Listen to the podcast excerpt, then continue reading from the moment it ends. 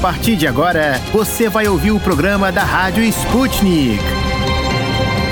Saudações, estimados ouvintes! Com vocês, Pablo Rodrigues e Ana Lívia Esteves, diretamente de Moscou e prontos para dar todas as novidades do momento. Olá, caros ouvintes. É um prazer contar com a audiência de vocês nessa quarta-feira, 26 de janeiro. O nosso giro diário de notícias vai começar pelo Brasil, claro. Até porque na terça-feira, dia 25, o Ministério Público, junto ao Tribunal de Contas da União, pediu ao ministro Bruno Dantas a retirada do sigilo do salário do ex-juiz Sérgio Moro, no período em que ele colaborava com a consultoria Álvares e Marçal. Essa companhia prestava serviços a empresas denunciadas na Lava Jato, ouvintes. O Moro foi contratado pela consultoria depois de ter saído da chefia do Ministério da Justiça no governo Bolsonaro. Na visão do procurador Lucas Furtado, que é autor da solicitação, a medida é importante visto o possível conflito de interesses da atuação do ex-magistrado quando era consultor na administradora da recuperação judicial do grupo de empresas condenadas pela Lava Jato. O próprio Moro garantiu que nunca atuou em prol de empresas envolvidas na operação e negou qualquer conflito de interesse. Também na terça-feira, 25 de janeiro, o presidente norte-americano Joe Biden afirmou pretender considerar impor sanções ao presidente presidente russo Vladimir Putin se a Rússia invadir a Ucrânia. O presidente Biden apontou que o futuro das relações Rússia-Ucrânia depende totalmente do presidente Putin, que, na opinião dele, ainda não decidiu se vai ou não avançar sobre a Ucrânia. Em resposta, o presidente da Câmara Baixa do parlamento russo, o Vyacheslav Volodin, qualificou tais sanções como medidas hostis contra a Rússia e escreveu no Telegram, aspas, os Estados Estados Unidos não estão felizes por, sob a liderança do presidente Vladimir Putin, a Federação da Rússia ter ficado forte e independente. Volodin ainda escreveu que, aspas, enfim a liderança dos Estados Unidos disse abertamente o que está procurando. Washington quer um presidente russo fiel que possa controlar. As tensões em torno da Ucrânia têm se intensificado nos últimos meses. O Ocidente e Kiev acusam Moscou de alegada preparação para uma invasão invasão. Acusações essas que são negadas veemente pelo Kremlin. Enquanto os Estados Unidos falam muito em ameaças de sanções abrangentes contra a Rússia, a Alemanha pode estar querendo tirar um setor dessa lista de sanções. O setor seria o energético, ouvintes. A Alemanha estaria buscando exceções para este setor caso o acesso dos bancos às contas em dólares seja bloqueado em resultado de sanções contra a Rússia, que o Ocidente ameaça impor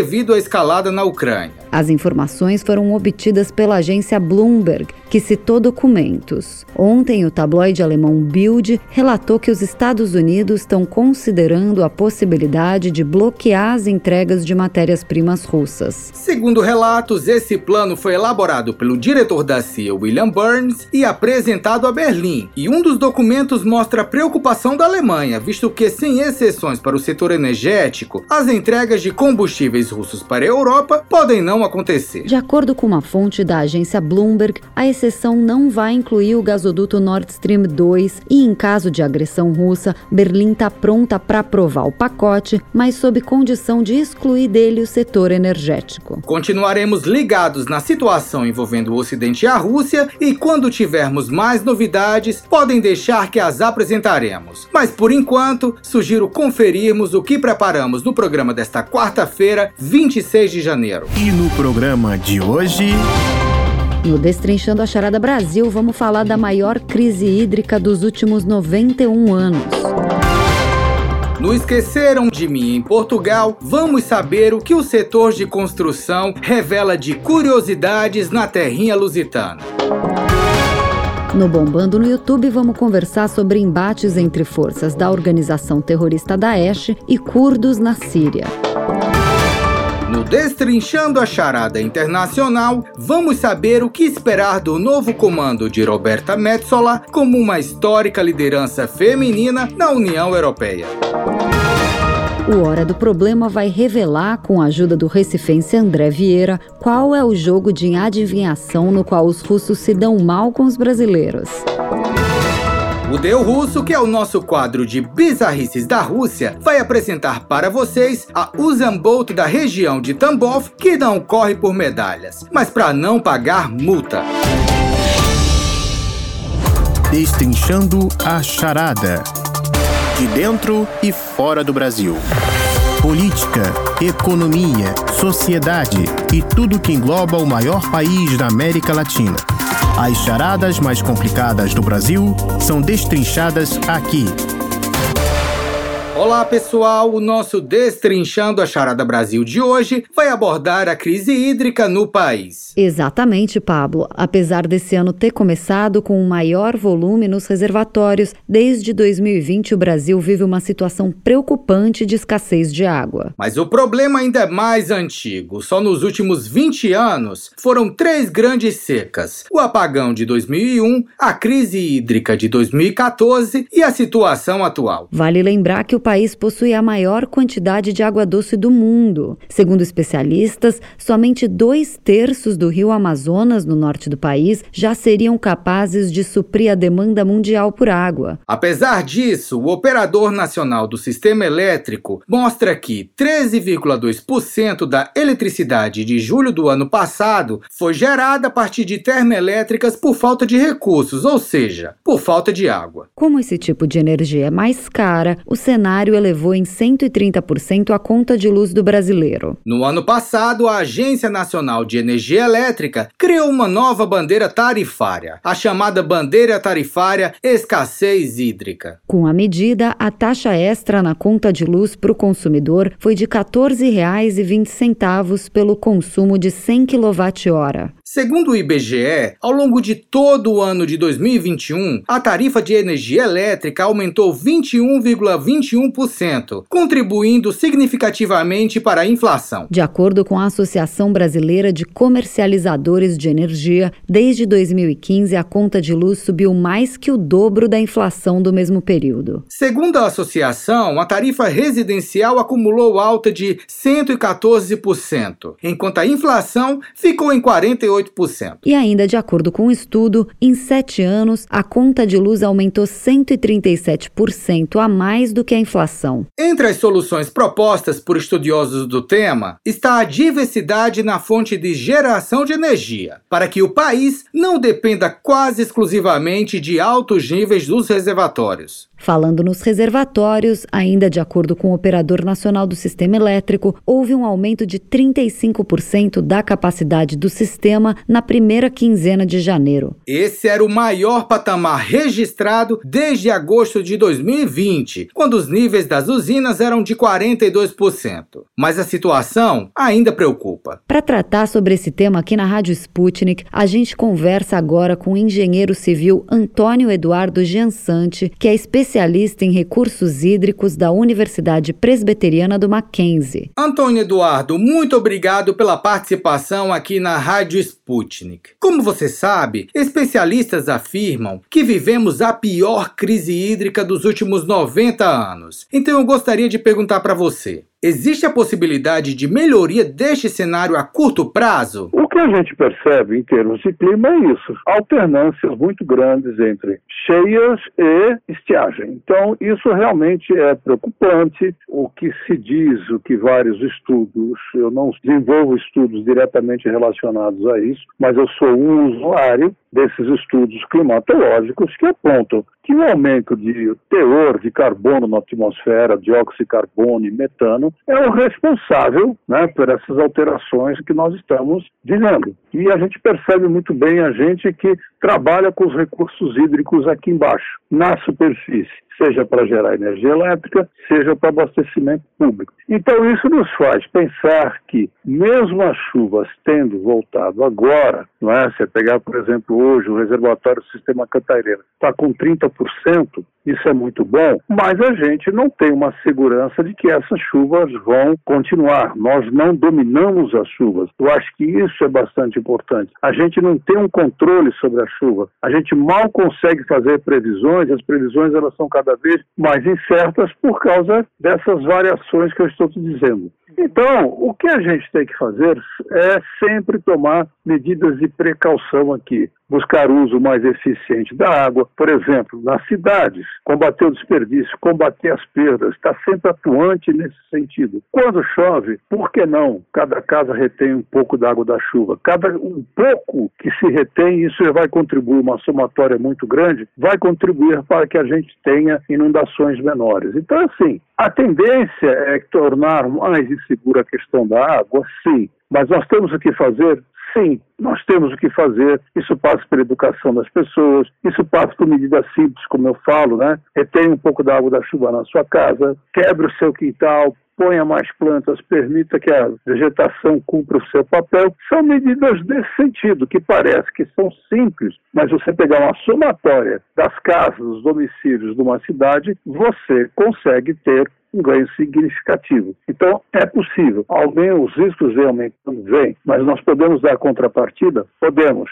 está na mão de nós. As soluções começam não somente por grandes obras, por exemplo, de combate às inundações, ou reservatórios cada vez maiores, né, para você gerar energia elétrica, armazenar água para abastecer a cidade. Não. Passa pelos domicílios, começa pelo simples também, começa pela rua da gente, tem mais arborização, menos áreas impermeáveis. Então é esse o caminho que a gente chega, entendeu? As fortes chuvas que atingiram algumas regiões do país recentemente ajudaram de alguma maneira ou a gente segue em uma situação crítica? Nós não temos o poder, o ser humano, de fazer a chuva cair onde nós precisamos. Se nós tivéssemos isso daí, o Nordeste não passaria por a grave estiagem que passou até 2017. Eu me lembro que eu tive no reservatório de Sobradinho em 2015, ele tinha 1 ou 2% do seu reservatório cheio. Hoje ele já está, se não me engano, passou dos 50%.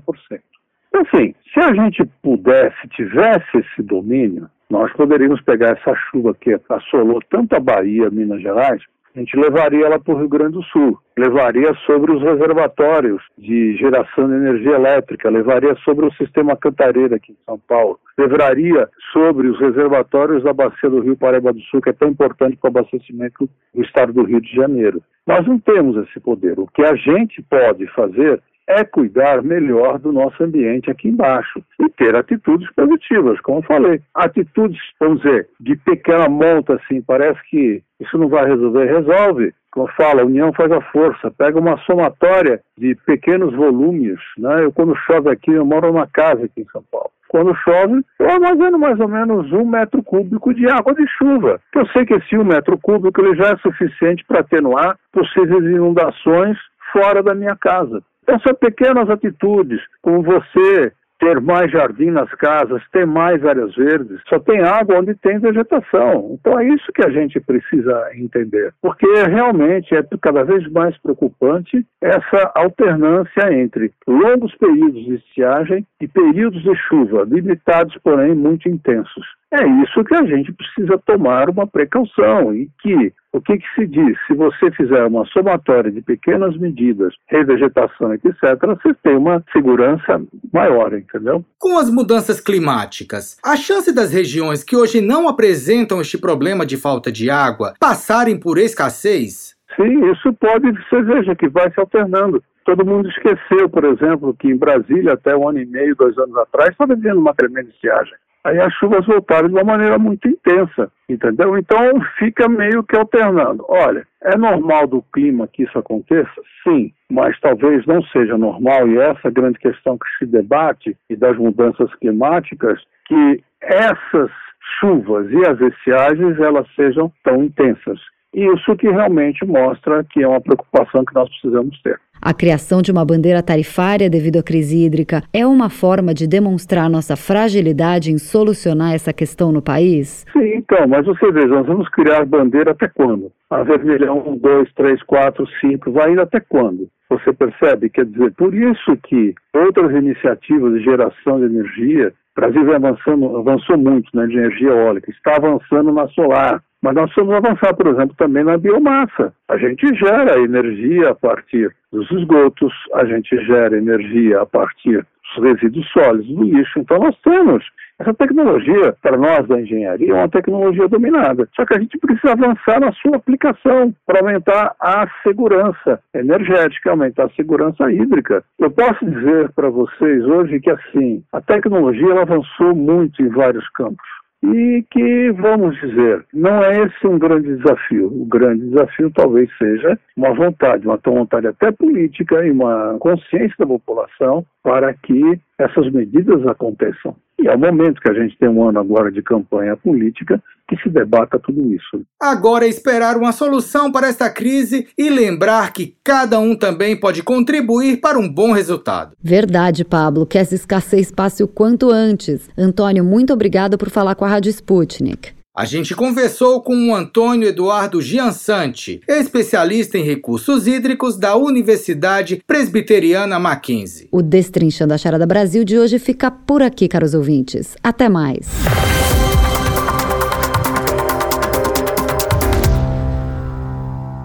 Você já visitou a Rússia e quer contar sua história? É só mandar um áudio de 5 minutos para o e-mail radio.br@sputniknews.com. Está à procura de notícias com outros pontos de vista e posicionamentos? Curta nossa página no Facebook. É só digitar Sputnik Brasil na busca do Facebook e deixar sua curtida. Esqueceram de mim em Portugal. Senhoras e senhores passageiros, apertem os cintos de segurança porque estamos prestes a decolar rumo a Portugal. A tripulação Sputnik Brasil deseja a todos uma ótima viagem.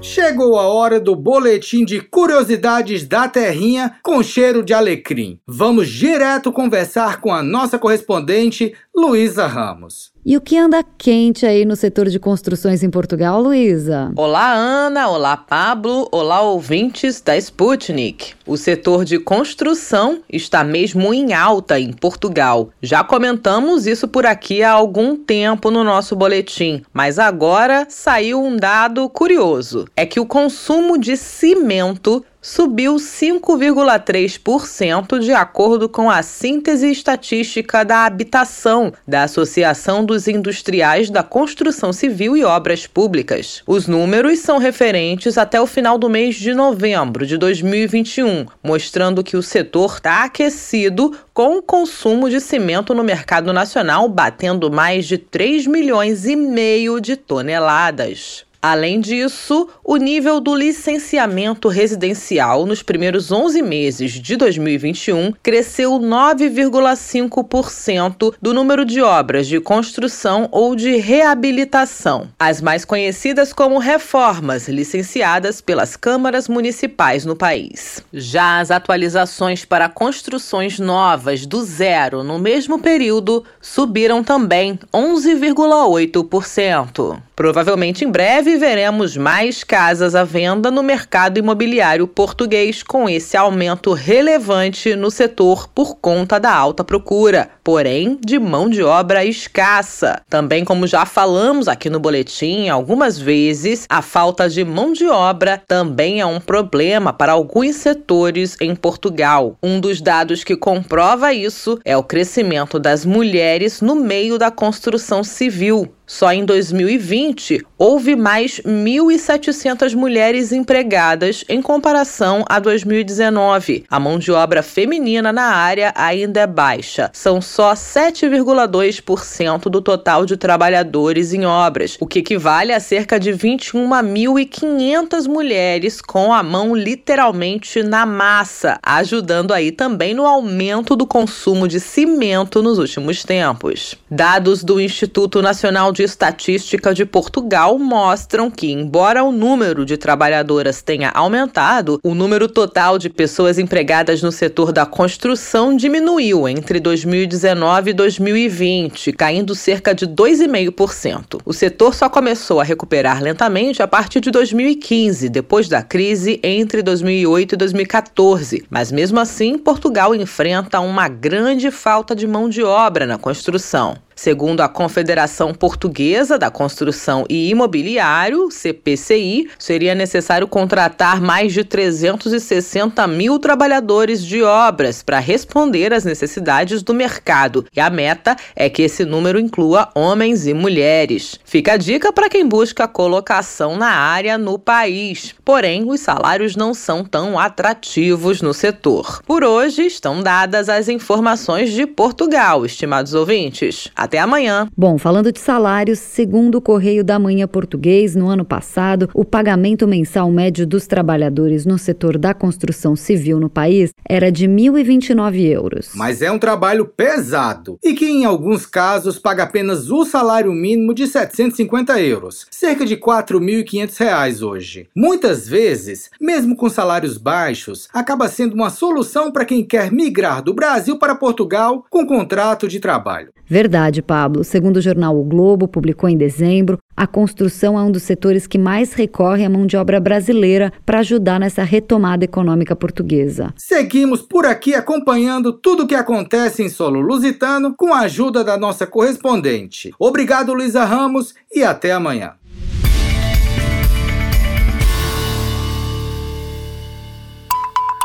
Para ficar por dentro de todas as novidades, tanto mundiais como brasileiras, se inscreva no nosso canal do Telegram.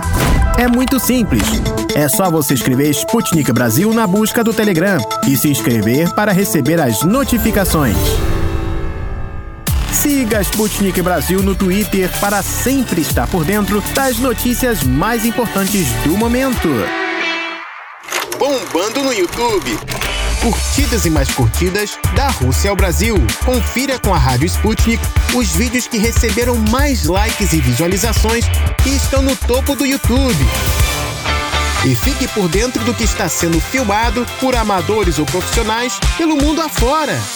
Queridos ouvintes, chegou a hora da gente ir lá para a redação da Sputnik Brasil conversar com o nosso estimado colega Tito da Silva. Olá, Tito, conta pra gente quais são os vídeos que estão dando o que falar no YouTube. Olá, queridos amigos da Rádio Sputnik. Eu sou Tito da Silva e estes são os vídeos que estão bombando no YouTube nesta quarta-feira, 26 de janeiro. No primeiro vídeo de hoje, combates entre membros do Daesh e forças curdas continuam na cidade síria de Al-Hasakah, desde que o grupo terrorista realizou uma tentativa de resgatar prisioneiros de uma prisão local na semana passada. Na ocasião, os terroristas atacaram guardas curdos da prisão de Sina, ao passo que alguns destes conseguiram fugir, se armar e iniciaram combates na região urbana contra os curdos. Imagens publicadas pelos curdos mostram terroristas enfrentando veículos blindados das forças curdas em Al-Hasakah e, posteriormente, sendo eliminados em combate. Para saber maiores detalhes da última onda de violência entre curdos e os terroristas radicais islâmicos, é só você digitar no YouTube. Curdos publicam imagens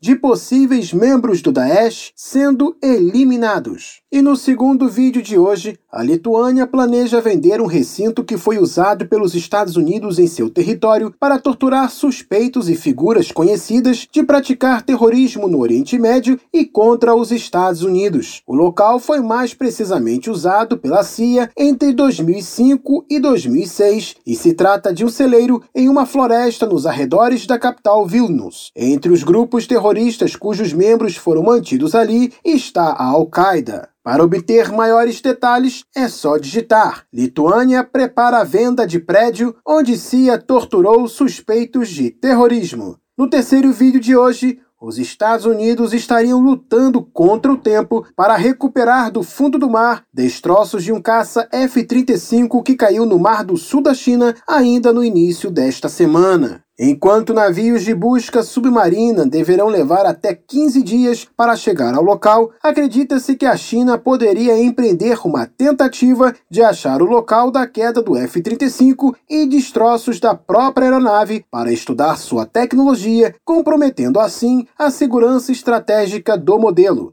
Será isso mesmo? Para saber mais, digite Estados Unidos lutam contra o tempo para recuperar caça F-35 acidentado antes da China. No quarto vídeo de hoje, pescadores irlandeses planejam trazer problemas para a marinha da Rússia. Em fevereiro, navios russos deverão realizar um pequeno exercício naval a cerca de 240 quilômetros da costa da Irlanda. Moscou já notificou o lado irlandês sobre suas intenções. Embora o exercício será feito em uma zona em que a jurisdição internacional o permite, os pescadores alegam que a atividade se dará em uma área de grande presença de vida marinha para sua pesca. Os pescadores também prometem pacificamente atrapalhar os navios russos, mas ainda não se sabe como. Para assistir ao vídeo, você pode o encontrar digitando Pescadores irlandeses prometem atrapalhar exercício naval da Rússia no Atlântico. E no quinto vídeo de hoje,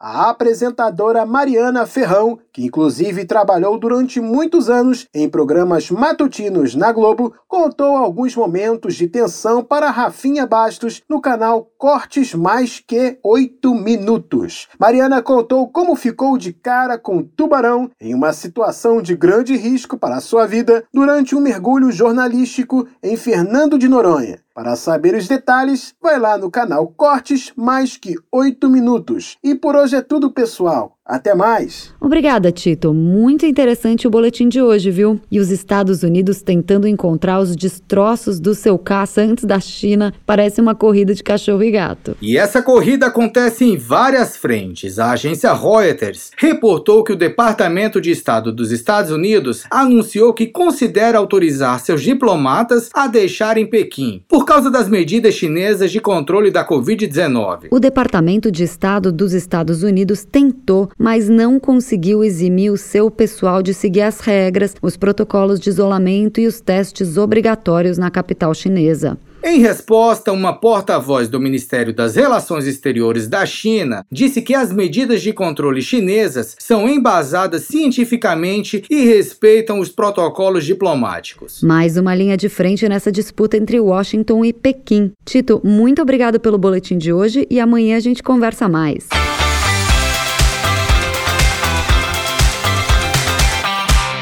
Você já visitou a Rússia e quer contar sua história?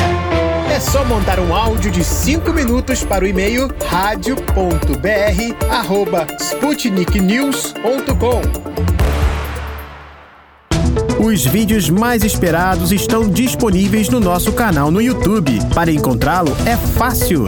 É só buscar Sputnik Brasil no YouTube, aproveitar as imagens e ainda se informar. Destrinchando a Charada. Encruzilhada Internacional.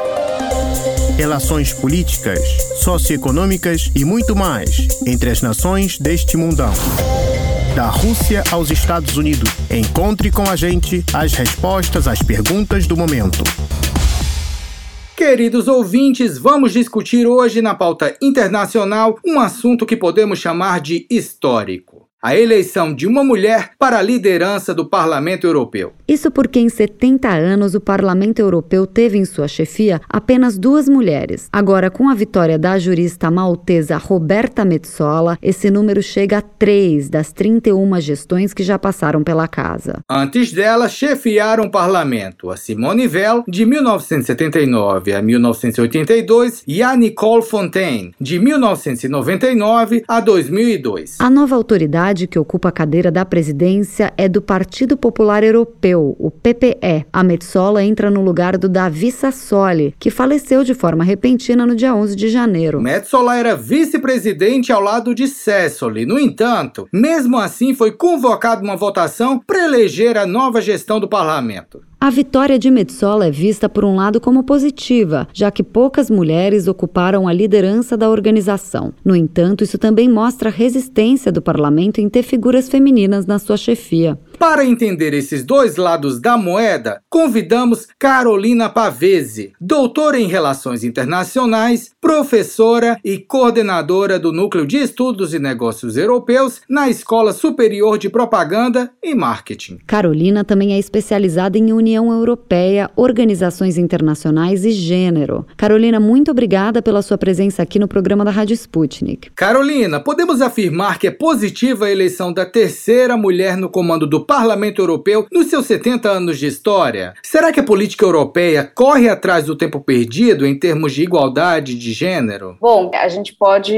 analisar isso a partir de dois viés. O primeiro, a gente pode considerar que é um, sempre um fato positivo, já que, como você pontuou, essa é só a terceira mulher. A gente teve a primeira, que foi a Simone Veil, em 1979. Depois a gente teve a Nicole Fontaine em 99, né? então um intervalo aí grande também entre uma e outra. E agora, 20 anos depois, parece que é uma tradição, a cada duas, três décadas tem uma mulher. A periodicidade é muito pequena de ter mulheres. E isso é positivo, da gente ter mais uma mulher novamente no cargo, mas, por outro lado, é muito negativo a gente imaginar que o Parlamento Europeu ele existe desde 1952. Esse cargo de presidente, ele é eleito internamente, né, um processo de eleição interna que ocorre com um mandato de dois anos e meio. Então, de 52 até agora, a gente teve 31 presidentes. Então, a gente está falando aí de quase 10% do total de presidentes que já passaram pelo parlamento são mulheres. É um número muito pequeno, o que mostra que na política europeia, assim como na política no Brasil, é um campo extremamente machista ainda e que nesses 70 anos de parlamento não se conseguiu consolidar uma igualdade de gênero na política, como a União Europeia tanto prega e como o parlamento tende a advogar, né? Você poderia esclarecer para os nossos ouvintes quais tipos de decisões exatamente a liderança da Roberta Metsola vai comandar no Parlamento Europeu? Qual é a importância do cargo dela? O Parlamento Europeu ele vai ser o braço legislativo da União Europeia, né? então a gente tem aí aliada a Comissão Europeia, que a gente escuta falar bastante, vai ser o executivo, a gente tem o Conselho União Europeia, que vai ser uma instituição onde os Estados-membros, que atualmente são 27, têm um poder de voz para representar suas agendas domésticas, os interesses nacionais são postos, e aí a gente vai ter o Parlamento Europeu, que é essa representação dos cidadãos e das cidadãs europeias. Desde 1979 é um sufrágio universal, então uma eleição direta para esse parlamento, que hoje tem 705 assentos. Como que essas eleições ocorrem? A cada cinco anos, com todos os eleitores, eleitores, além de votarem nas suas eleições domésticas, como a gente tem aqui nacional, para deputados, vereadores, governadores, presidentes, né, quando é o caso, eles também participam de mais uma eleição, que é a eleição para o Parlamento Europeu. E o objetivo do parlamento é defender os interesses dos cidadãos, né, nem do Estado, nem do projeto europeu, mas sim diretamente os interesses dos cidadãos. Ao longo dos anos, o parlamento tem acumulado novas funções e ampliado seu poder, justamente porque, como é uma máquina muito burocrática, esse processo europeu e todas as suas instituições, ele padece de uma crítica forte de um déficit democrático, que é uma representação muito distante dos cidadãos. Então, o parlamento tem tido esse papel fundamental em ser a voz dos cidadãos, monitorando e trabalhando junto com as outras instituições. Por exemplo, na aprovação das leis, das normas da União Europeia. Elas são propostas pelo executivo, que é a Comissão Europeia, mas quem vota esses projetos de lei, quem vota o orçamento europeu, tudo isso fica ao encargo do parlamento, muitas vezes num processo que a gente chama de codecisão, junto com os Estados-membros. Mas ele tem, por exemplo, um poder direto de aprovar as leis, de aprovar, por exemplo, moções em termos de política externa, que a gente tem visto bastante. Então, ele tem uma função bem importante, mas ele acaba ficando muito distante, porque são deputados e deputadas que estão lá em Bruxelas, né, para um eleitor comum na sua cidade pequena, em qualquer outro estado, muito difícil acompanhar o que acontece. Então, por isso, essa crítica forte. O presidente agora do parlamento tem a função de manter as pautas da casa, de definir a agenda. Então, é uma função mais burocrática, né? Assim como a gente vê aqui no Brasil, equivalente também ao, ao parlamento e as presidências que a gente tem na Câmara e no Senado, né? uma tentativa de fazer uma conciliação e garantir os trabalhos do parlamento. Qual a relevância da vitória de Roberta Metsola nas eleições do Parlamento Europeu para impulsionar a igualdade de gênero na política global, Carolina? Vale a gente pontuar que, além dela, ela ganhou com uma maioria bem ampla de votos, né, 458 votos de 705, nem todos votaram, então foram 690 votos válidos, então foi uma maioria esmagadora, mas as outras duas eram três candidatas mulheres, então todas eram candidatas mulheres. Então isso foi muito interessante. Né? O, o Parlamento Europeu ele não funciona com partidos como a gente conhece, mas ele vai trabalhar com grupos políticos. Atualmente tem sete grupos formais e tem aqueles deputados e deputadas que não pertencem a esses grupos, que não querem estar filiados, e é uma participação no grupo não por identidade nacional, mas por uma identificação política ideológica com determinada agenda. Então, dentro de um, cada um desses sete grupos, a gente vai ter deputados e deputadas dos 27 países representados. E alguns grupos que propuseram as suas candidatas insistiram na necessidade de se ter uma mulher, mas não queriam a Roberta e propuseram outras candidatas. Mas isso foi muito interessante, todas eram mulheres. Então, isso talvez seja algo que renove um pouco o interesse e a nossa esperança numa igualdade de gênero na política em geral. Ao mesmo tempo em que Roberta Metsola apoia os direitos da comunidade LGBTQIA+, a eurodeputada e agora presidente do parlamento tem uma abordagem mais conservadora com relação aos direitos reprodutivos das mulheres. Apesar de ser um avanço indiscutível ter uma aliança feminina na União Europeia, como essas pautas progressistas feministas podem ser afetadas nos próximos dois anos sob a gestão da eurodeputada maltesa? Ela tem uma trajetória muito interessante, porque ela vem de Malta,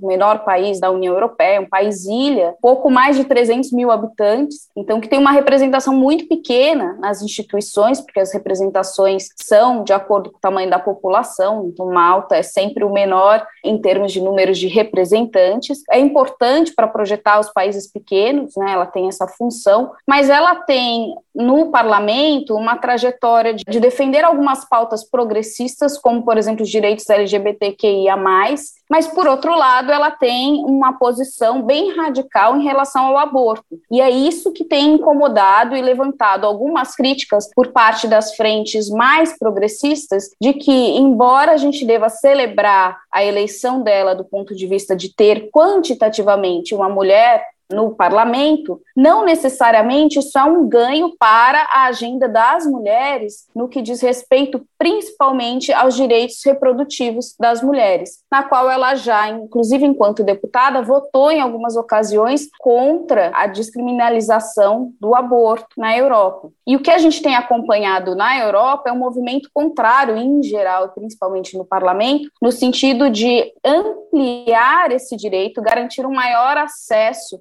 das mulheres a métodos contraceptivos, à informação, à educação e ao direito mesmo a um aborto assistido e seguro. Então, ela vem na contramão dessa pauta. Então, o que, que a gente pode esperar da gestão da Matsola no Parlamento Europeu no tocante às questões da agenda feminista e direitos reprodutivos? O que a gente pode esperar, né? Ela foi eleita 18 de janeiro, então é muito recente, mas boa parte da aprovação dela ficou assegurada porque ela garantiu que ela vai defender defender a posição coletiva do parlamento, que é uma posição a favor da descriminalização do direito ao aborto, embora ela tenha as suas posições contrárias, mas que, como presidente da casa, ela não vai se opor. Inclusive, ela teve uma reunião com o presidente Emmanuel Macron, que faz parte desse movimento, ou que apoia essa agenda mais feminista, e que ela garantiu, inclusive, que ela ia aprovar e promover uma declaração que eles estão fazendo, que chama Simone Veil, que é justamente a primeira a presidente que a gente teve no parlamento em 79, uma feminista francesa que era sobrevivente do Holocausto, inclusive, que é uma carta sobre os direitos das mulheres cobrindo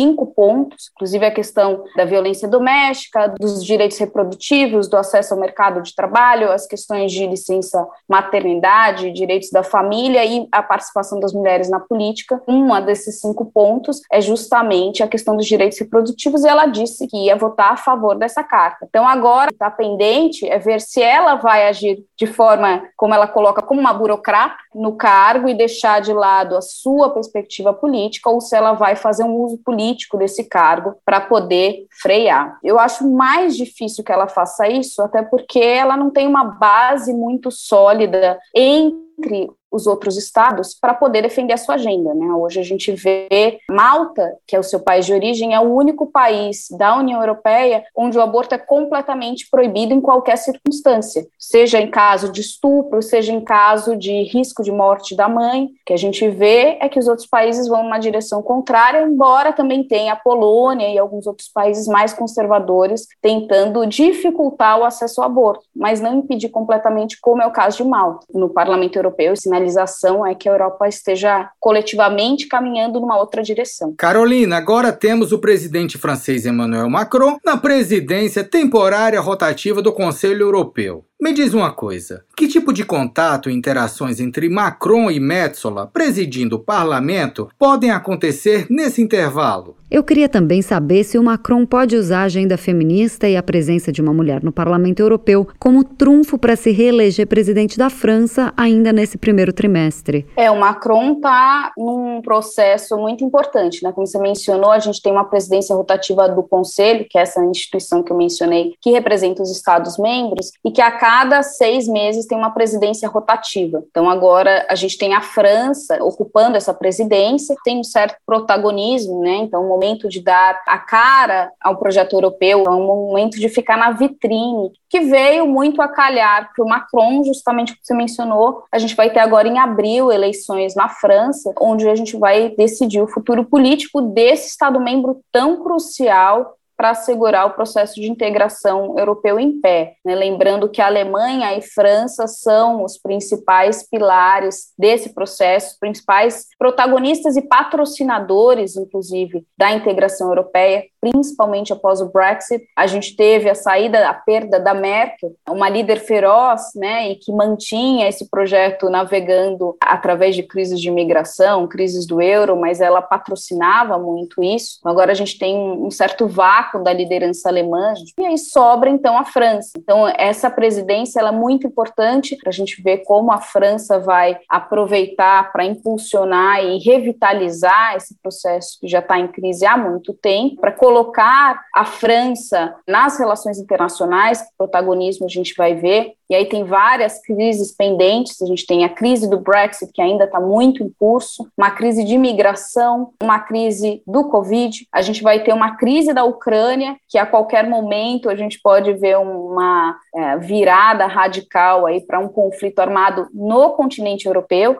país que é vizinho da União Europeia. Então, isso é uma agenda importante. E todos esses temas, além de uma questão do desafio de como se relacionar com a China, né? Então, tem muitas questões de política doméstica externa para o Macron se posicionar e também para trabalhar junto com o Parlamento Europeu. Todos esses pontos que eu mencionei são agendas no qual o apoio do Parlamento é fundamental. Então, esse relacionamento entre presidência da França, Macron, junto com a Roberta, o Parlamento Europeu em si, a Ursula von der Leyen, que é a presidente da Comissão Europeia, essa tríade, ela é o que coloca em rumo o processo de integração europeu e o futuro da União Europeia. Então, é muito importante que eles estejam alinhados. E aí mencionei a Úrsula, Agora, a gente tem duas mulheres concomitantemente em duas das instituições mais importantes. Então, isso também é muito simbólico. Carolina, como Macron pode alavancar esse relacionamento com duas lideranças femininas europeias para se promover com o eleitorado francês? Acho que se ele continuar avançando com essas pautas e com essas agendas, sim. Ele é uma figura que dispõe de um certo apreço do eleitorado feminino, né? Até pela própria esposa dele, muito feminista, né? Um próprias as suas relações pessoais, como ele se coloca em relação a ela, vale a gente até lembrar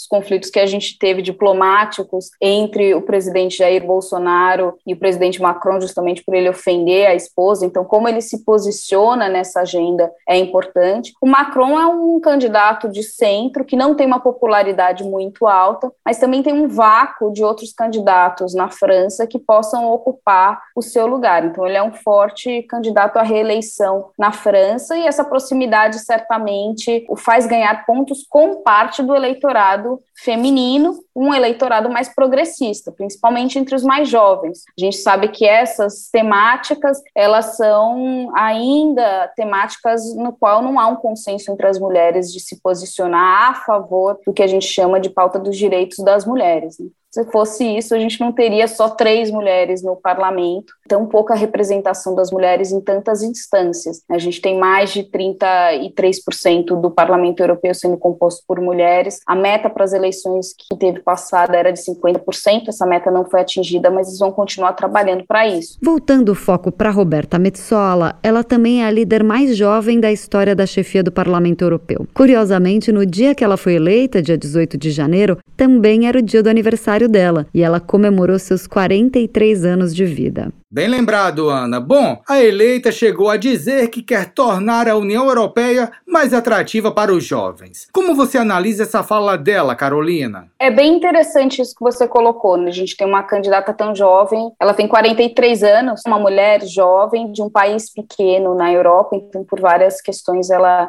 representa avanços interessantes nesse cenário da política europeia e ela vem com uma capacidade de diálogo com os jovens também mais forte do que a gente tinha no discurso tradicional, nem necessariamente conservador na sua pauta, mas na forma como isso é colocado, né? Que a gente vê é uma necessidade de se reinventar a política na forma como ela é apresentada, como a gente discute e tornar ela mais atraente, mais interessante e talvez renovar a esperança e a credibilidade que a política e que os políticos têm com essas gerações mais novas que estão já por aí elegendo e que vêm sem muito entusiasmo sobre a política. Né? A gente vê a União Europeia, essas eleições elas não são obrigatórias e a cada processo eleitoral a gente vê uma adesão menor ainda, então um menor número de eleitores comparecendo às urnas. Isso é muito sintomático de um desinteresse nessa política formal institucionalizada. E talvez ela consiga avançar agendas que são de interesse e mobilizar uma juventude para dar continuidade a essas instituições e nem sempre essa política ela é acessível. E isso compromete um pouco o que a gente chama de euroentusiasmo da população com o projeto europeu. Entendido, Carolina. Agradecemos demais as suas análises. Carolina Pavese, que é doutora em Relações Internacionais, professora e coordenadora do Núcleo de Estudos e Negócios Europeus na ESPM. A entrevista foi produzida pela Luísa Ramos e o texto editado pela Yasmin Scali. Vocês, caros ouvintes, podem ler o texto no nosso site. Basta acessar br.sputniknews.com e clicar nas últimas atualizações do panorama internacional. Nosso quadro Destrinchando a Charada Internacional de hoje vai ficando por aqui, caros ouvintes. Até mais!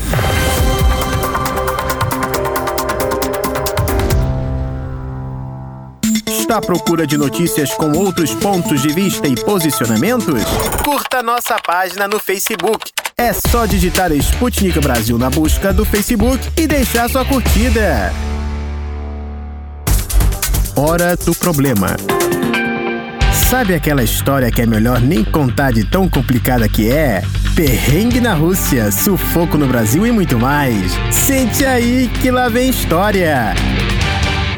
A Rússia é gigantesca, caros ouvintes, e aqui vivem todos os tipos de pessoas. Não é só loiro de olho azul que habita o mundão russo. Justamente, mas se uns podem parecer típicos russos na cabeça de algumas pessoas, outros podem remeter a outras nações. E até mesmo brasileiros acabam entrando no joguinho de adivinhação. De onde você é? Para entender que brincadeira é essa, vamos convidar o recifense André Vieira, que mora há uns anos na Rússia. Olá, André. Olá, pessoal da Rádio Sputnik. É um prazer aqui estar falando com vocês. Prazer também falar para todos os ouvintes da rádio. Me chamo André Vieira, tenho 28 anos, sou estudante de medicina, sou da cidade de Recife, em Pernambuco. Obrigada pela participação, André. Você vive há quanto tempo aqui na Rússia e onde você mora? Eu já vivo há quatro anos e três meses aqui na Rússia e vivo na cidade de Maikop, cidade localizada a 1.200 quilômetros ao sul de Moscou, a capital da República de Guia e é uma das cidades que fazem parte do Cáucaso da Rússia. Olha, eu morro de vontade de conhecer Maikop. Eu ainda não conheço, mas quero muito tirar umas férias para visitar o Cáucaso russo. André, você falou que é estudante de medicina, então me diz uma coisa. Por que você escolheu a Rússia para se tornar médico? Eu vim para a Rússia com a finalidade de estudar, ou seja, de fazer minha graduação em medicina.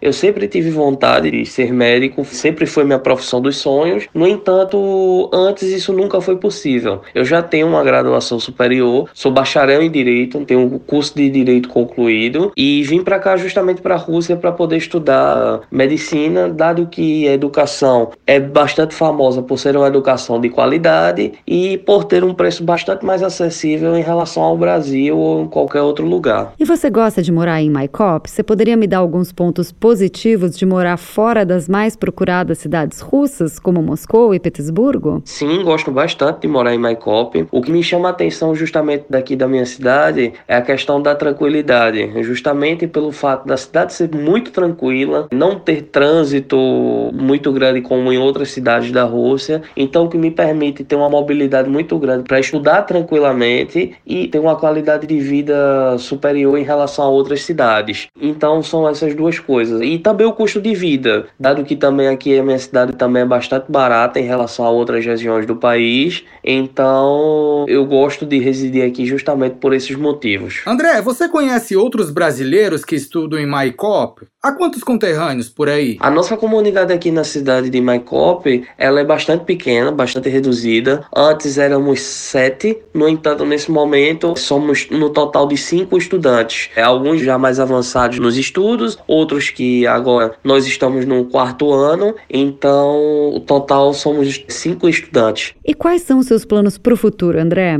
Você quer permanecer aqui na Rússia depois da conclusão do curso de medicina? Em relação aos meus planos para o futuro, tenho dois planos distintos. Como eu já tenho minha noiva e a gente tem a pretensão de casar, o primeiro justamente seria casar com a minha noiva, o segundo era justamente esperar que ela conclua a graduação dela, dado que nesse momento ela ainda está no segundo ano da graduação dela, então eu teria que continuar aqui na Rússia um pouco mais de tempo, esperando que ela conclua a sua graduação e a partir daí eu retornarei ao Brasil com ela. Esses são os meus planos para o futuro, com minha futura esposa, justamente com a pretensão de retornar ao Brasil e formar família lá. André me contou que a namorada dele é russa, então a ideia seria se casar com ela aqui para esperar tranquilamente a conclusão do curso dela, correto, André? E outra coisa, você pensa em fazer uma especialização por aqui depois da conclusão do seu curso de medicina? É justamente isso que eu penso. Durante esses três anos que faltaria desde a minha conclusão para a conclusão do curso dela, é, a gente faria todo o trâmite de legalização para casamento e a partir daí eu também veria alguma especialização, né? Dado que aqui na Rússia as especializações elas são, elas têm uma duração menor do que no Brasil, do que em outros lugares. Então aqui em dois ou três anos eu concluiria qualquer especialização e é o meu pensamento justamente para esse período aí entre a minha conclusão e a conclusão do curso dela. André, pode ter certeza que vai dar tudo certo. Vem cá, você morando há mais de quatro anos na Rússia deve estar cheio de histórias para contar. Existe alguma situação que acontece com você com frequência aqui na Rússia? É, em relação às situações que aconteceram comigo aqui na Rússia, eu acho que todo dia a gente tem sempre uma situação nova para contar. Viver na Rússia, embora a gente tenha a distância da nossa família, é, existe a questão também de que a gente vive todos os dias uma nova situação. Muitas vezes a gente acha desagradável no começo, mas depois a gente ri de tudo isso. Eu acho que sempre isso acontece muito aqui comigo, até porque meu estereótipo físico, ele se parece bastante com de árabe, por usar barba, ter a pele um pouco mais morena. Então as pessoas acabam no começo pensando que eu sou árabe. E quando me perguntam, elas se surpreendem bastante porque elas dizem que eu não pareço ter o estereótipo de brasileiro. Todas as vezes que as pessoas perguntam, sempre a recepção das pessoas é muito positiva. Eu considero ser brasileiro e morar na Rússia um fator bastante positivo. Todas as pessoas vão ter uma enorme curiosidade de perguntar para você é, o que é que você está fazendo aqui, por que você chegou, como como você chegou até aqui. Então, as pessoas vão sempre estar munidas de curiosidade e vão te fazer bastante perguntas para saber porque elas vão se interessar bastante pelo fato de você ser brasileiro. Caros ouvintes, é o joguinho de adivinhação de onde você é. No caso de André, são poucos os russos que conseguem associá-lo ao Brasil, como se o brasileiro só tivesse uma cara. Os russos adoram perguntar de onde a gente é, caros ouvintes, e depois de saberem que a gente é do Brasil, a festa é garantida. Já começam a falar de novela, de futebol, dizem que querem ir pro calor brasileiro. E quase não acertam que eu sou do Brasil também. Vão chutando várias nacionalidades e passam longe do Brasil. André, eu te entendo muito bem, parceiro. Falamos com o estudante de medicina André Vieira, caros ouvintes. André, um abraço muito forte para você que está em Maicop.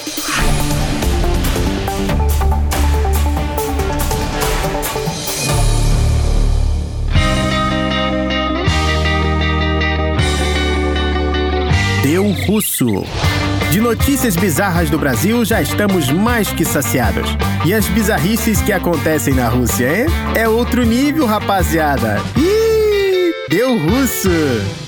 Espero que vocês, ouvintes, estejam preparados para a corrida mais esperada do inverno russo. Os participantes são uma russa desconhecedora da faixa de pedestre e um guarda que adora multar. E a corrida teve transmissão ao vivo nas redes sociais, estimados ouvintes, sem contar que foi sediada bem longe dos polos esportivos da Rússia. Essa corrida aconteceu lá na região de Tambov. A região de Tambov está localizada a sudeste de Moscou, não muito longe da capital russa, ou seja, o inverno lá também é pesado. Com todas as ruas brancas de neve, a cidade de Raskazava é conhecida por ser a casa de russos impacientes com o frio. E quando o frio bate, não tem quem faça um pedestre esperar o sinal de trânsito ficar verde. Ou então andar mais para atravessar as ruas nas faixas de pedestres em conformidade com a lei, o que faz muita gente cortar caminho e atravessar onde não se deve. Mas para mostrar que a lei deve ser cumprida, a cidade de Irascásavo tem guardas de trânsito que controlam não só a movimentação dos veículos, mas também por onde andam os pedestres. Em uma bela tarde congelante, uma russa, sem a mínima vontade de ter de andar mais até a faixa de pedestre para atravessar a rua, decidiu cortar caminho. Antes de burlar a lei, essa russa que estava segurando sacolas pesadas, olhou para a direita, olhou para a esquerda e quando viu que não tinha nenhum carro vindo, decidiu atravessar. Só que essa fora da lei não percebeu uma coisa, caros ouvintes. Estacionada bem na frente de onde ela decidiu atravessar a rua, estava uma viatura. O guarda ainda buzinou enquanto a russa estava atravessando a rua para avisar ela que quando chegasse do outro lado, uma multa ia rolar. Mas essa russa sabia muito bem que estava errada. Então o que ela fez? Foi agilizando os passos e andando na diagonal como se o guarda não estivesse buzinando para ela, acreditam? Enquanto a pedestre ia se distanciando, o guarda já foi fechando a viatura para correr atrás dela. E tinha tudo para ser só mais uma apreensão, caros ouvintes. Até que do nada surge um torcedor que estava em um prédio residencial filmando tudo e vibrando para a pedestre escapar do guarda. De início, o rapaz começou a ficar preocupado com a pedestre, porque não dava para saber se ela estava fingindo não ter percebido o guarda ou se não estava entendendo realmente o que estava acontecendo. E para ajudá-la, o que um torcedor deve fazer? Dá dicas, não é mesmo, ouvintes? O rapaz abriu a janela e começou a gritar: Corra, mulher! Olha o guarda aí do seu lado! Apresse esses passos aí e vá embora! Assim que a pedestre ouviu a torcida, a partida foi dada. E quem vocês acham que vai ganhar essa corrida? A pedestre fora da lei nem olhava para trás, ouvintes. Começou a correr tão rápido que as sacolas até pareciam estar vazias. Do outro lado da pista estava o guarda, que muito tranquilamente continuou indo em direção à pedestre Talvez na cabeça do guarda, quem come quieto sempre chega longe. Mas talvez não tão longe quanto a Usain Bolt de Iraskazova. Essa russa sabia que se vacilasse, uma medalha em forma de multa seria dela. E no meio de todo esse caos na região de Tambov, uma transmissão ao vivo começou a ser visualizada por uma galera não só da cidade de Iraskazova. A corrida foi acirrada e para a felicidade de todos os espectadores, quem ganhou foi a pedestre que nasceu para correr.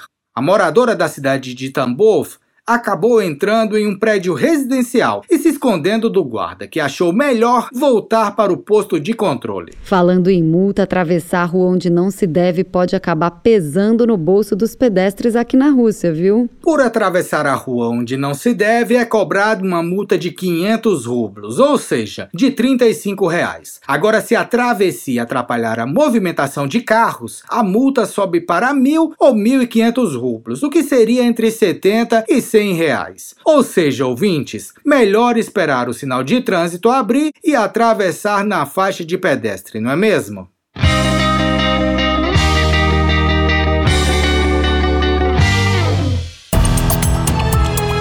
Hora de dar tchau.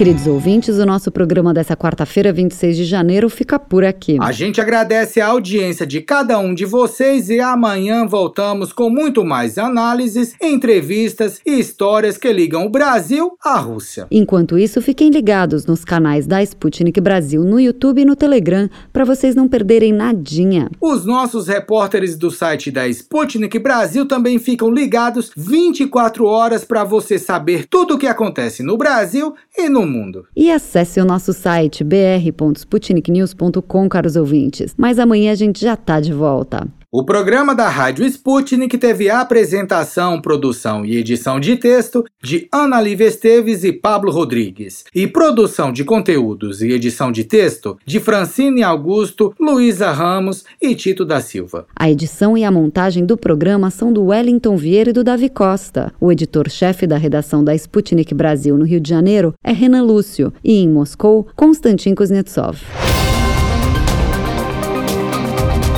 Você acabou de ouvir mais um programa da Rádio Sputnik.